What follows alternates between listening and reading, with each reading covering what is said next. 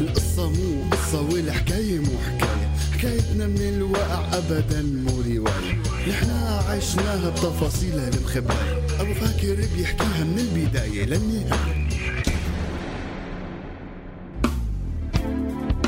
حكاية بلد.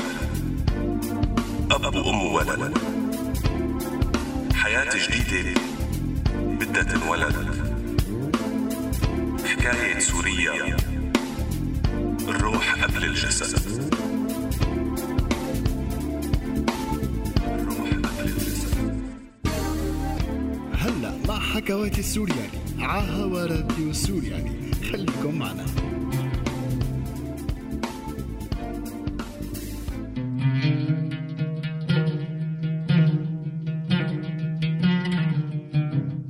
يسعد لي أوقاتكم إخواتي السورياليين الغوالي وين ما كنتوا ومن وين ما كنتوا وشو ما كنتوا عم تعملوا.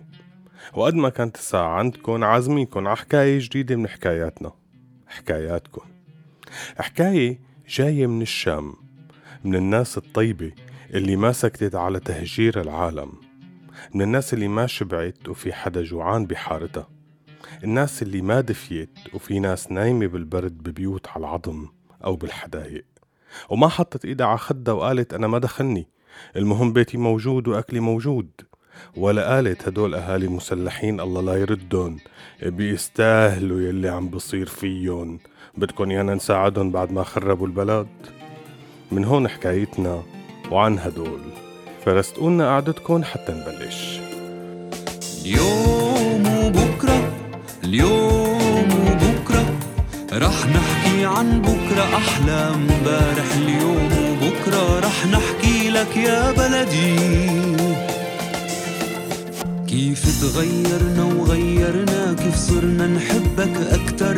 ورجعنا يا بلدي تجمعنا وعمرنا يلي تدمر. حلاوة الأفكار نستنا وجع الأخبار. ورجع الأمل بضحكة الصغار.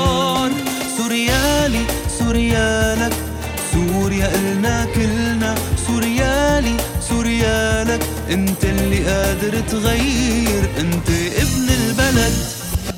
إيه إخواتي حكايتنا اليوم عن شاب اسمه ماهر شاب من هالشباب الكتار اللي اشتغلوا بالإغاثات والمساعدات الإنسانية ولو على نطاق الحي اللي ساكن فيه والأحياء القريبة من بيته.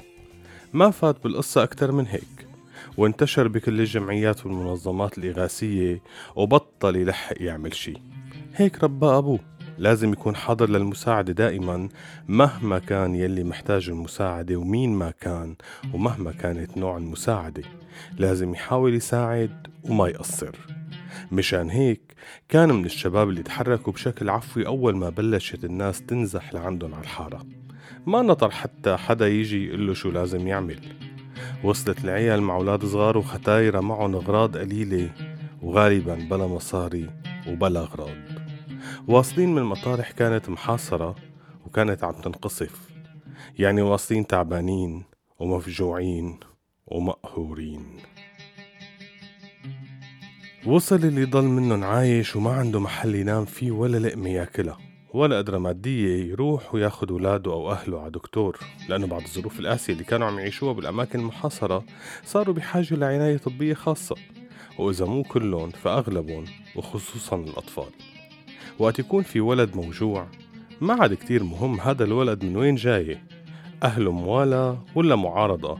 مو مهم شكله ولا لونه ولا دينه ولا طائفته. المهم إنه ولد محتاج حدا يساعده ويحميه ويخفف من وجعه.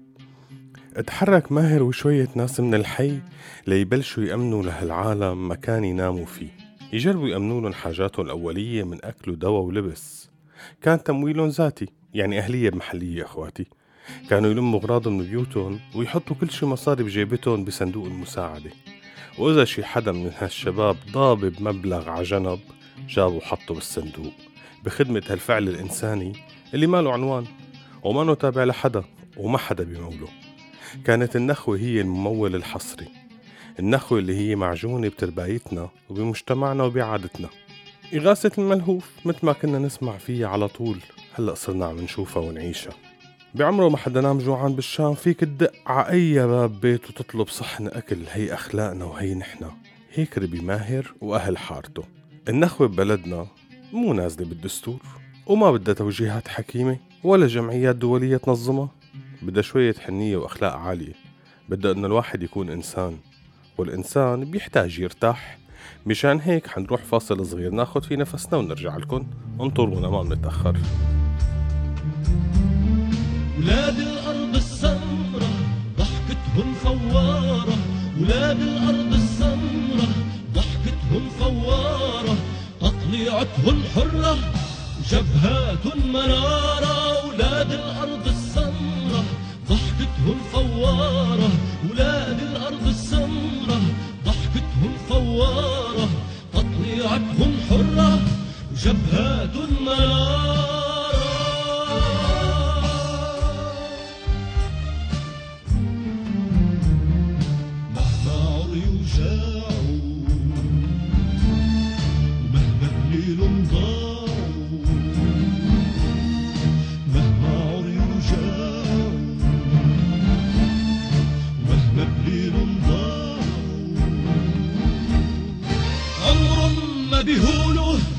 منارة مهما عريوا جاعوا ومهما بليل ضاعوا مهما عريوا جاعوا ومهما بليل ضاعوا عمر ما بيهونوا وعمر ما بينباعوا عمر ما بيهونوا وعمر ما بينباعوا هن الشجر الواقف صامت بالأرض الدوارة.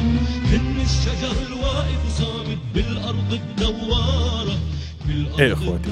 رجعت لكم مع حكاية ماهر الشاب يلي تجمع هو ورفقاته بالحارة أول ما وصلت العيال النازحة من أماكن محاصرة.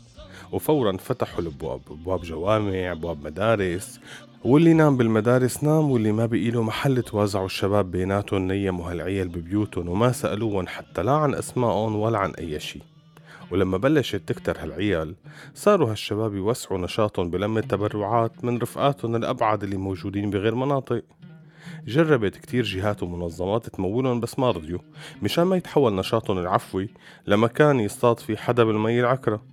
ولا يتحول هالنشاط لمنصة أو منبر لتبجح حدا ولوجو للجهة الفلانية أو المنظمة العلتانية. خافوا إذا فاتت المصاري يصيروا أسيرين إلها وللناس اللي وراها. خافوا يخسروا بدل ما يكسبوا. بس يا ترى لإمتى بيقدروا يستمروا؟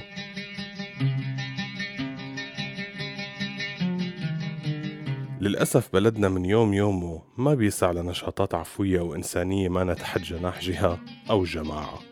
ببساطة كل هذا كان بيعني للنظام السوري إنه هالشباب هن خطر لأنه طالما عم يقدروا يتنظموا لحالهم وينظموا أمورهم فمعناتها ممكن يتفقوا ويصيروا يتحركوا. ممكن تنتقل العدوى لغيرهم ويصير في كذا مجموعة شغالة لحالها. يا حبيبي فوق كل شي عم بصير بدنا نترك مجال للعالم تتفق مع بعضها. إيه مستحيل. هذا التجمع غير مبرر أمنيا ولازم ينوضع له حد.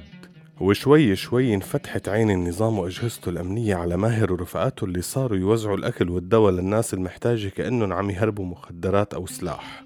ولأنه خوفهم على أهل بلدهم صار بيخوف حكومة بلدهم. انسحب ماهر بليلة ما فيها ضوء قمر من حارته بسيارة على العالم السفلي للشام. هو وكم شاب من شباب الحارة نزلوا على هديك الأقبية.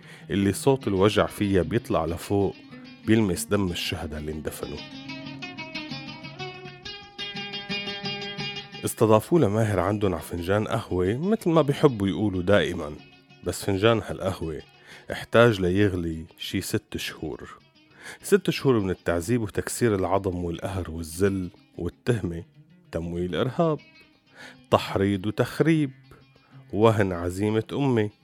مساعدة الإرهاب بمساعدة أناس كانوا حاضنين للإرهابيين على حد قولون ومهما حاول ماهر يشرح إنه يا جماعة نحن ما سألنا حدا عن توجهاته ولا انتمائه ولا شو صار معه. نحن كنا بس عم نقدم لهم خدمات ونلبي لهم احتياجاتهم عم نأمن لهم أكل وشرب ومكان يناموا فيه لبينما المنظمات المختصة هي تتولى أمورهم. انتو فيكم تتأكدوا إنه ما عملنا أكتر من هيك؟ فيكون الجواب إنه نحن منعرف كل شي منعرف هذا الكلام ويلي وراه. منعرف إنه بالوش بتظهروا مساكين وبتحبوا البلد وأهل البلد بس بالظهر بتكونوا مبيتين الشر والأذى.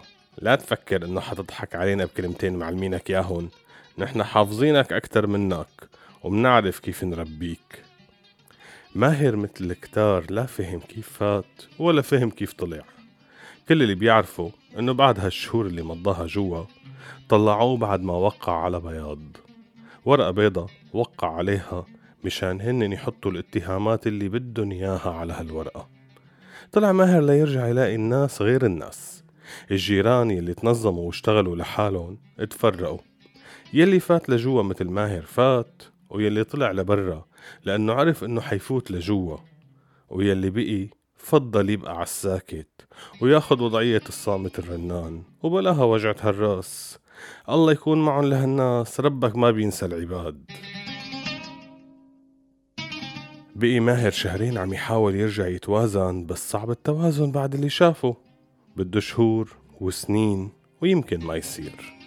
ولتكمل بيوصلوا خبر من واحد من الشباب فاعلين الخير واحد بيعرفه كان عم يساعد أهله بمطالعته من الفرع.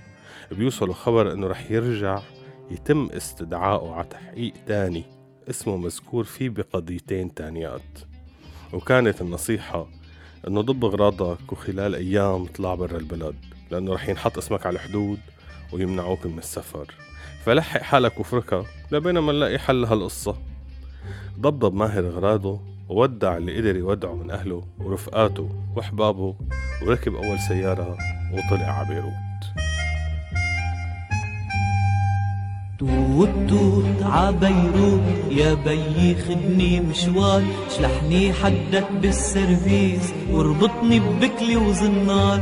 توت توت عبيروت يا بيي خدني مشوار شلحني حدك بالسرفيس واربطني ببكلي وزنار قال لي أستاذ الإنشاء قبل ساعة من الفكة إنه جدي المير بشير كان بيستاهل دكي. أستاذ التاريخ فنجر عينه وقال هيدا اللي ما شاف المتحف جاهل وصرصار توت توت عبيروت يا بيي خدني مشوار شلحني حدك بالسرفيس بعد ما وصل على بيروت حس حاله بلش يختنق. هو ما بده يترك البلد ولا بيحلم بالسفر بالعكس. هو بحب البلد بعجرة وبجرة حلوة ومرة. هو بده يبقى مع أهله وناسه. مشان هيك بلش يدور وين في تجمعات ومخيمات للسوريين وبلش يقرب منهم. وطلعت بباله فكرة وبلش ينفذها مع كم شاب وصبية من اللي عم يشتغلوا بمساعدة الناس هنيك ورجعوا نظموا حالهم بدون ما حدا ينظمهم أو يشرف عليهم ولا يمشوا تحت جناح حدا. ماهر هلأ هو ورفقاته عم يبيعوا أغراض مصنوعة يدويا مشتغلينها أمهات لعائلات اللي نزحت جوا سوريا وبرا سوريا. أشياء مطرزة حلوة كتير مشغولة بمراء وفن وجمال. مشغولة سنارة كنفة صوف تطريز. ببيعهم وبحاسب الناس بتعبهم واللي بيزيد من الربح عم يتوزع على هالعيال اللي نزحت بسوريا وبرا سوريا. بيتوزع مونة أو مصاري أو مساعدات. إذا هيك بكون التحريض والتخريب يا ماهر فمعناتها عنا كتير شباب مخربين. الأمل ما سافر مع ماهر. لساته بكل حي فيه عيلة نازحة وفي شباب عم تساعدهم. الأمل بعمره ما بيسافر. الأمل معشش على شبابيكنا وبقلوبنا. ابني كل استودعناكم. اللي اتهدم. ضحكت أنا وفتحت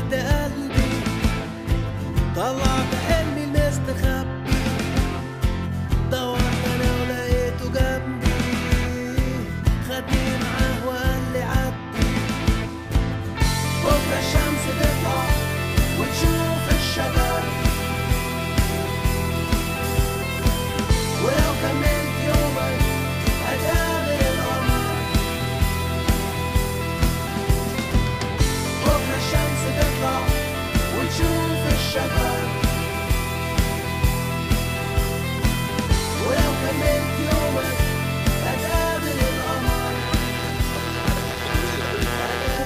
البرنامج من إنتاج راديو سوريالي 2017 عم تسمعوا راديو سوريالي.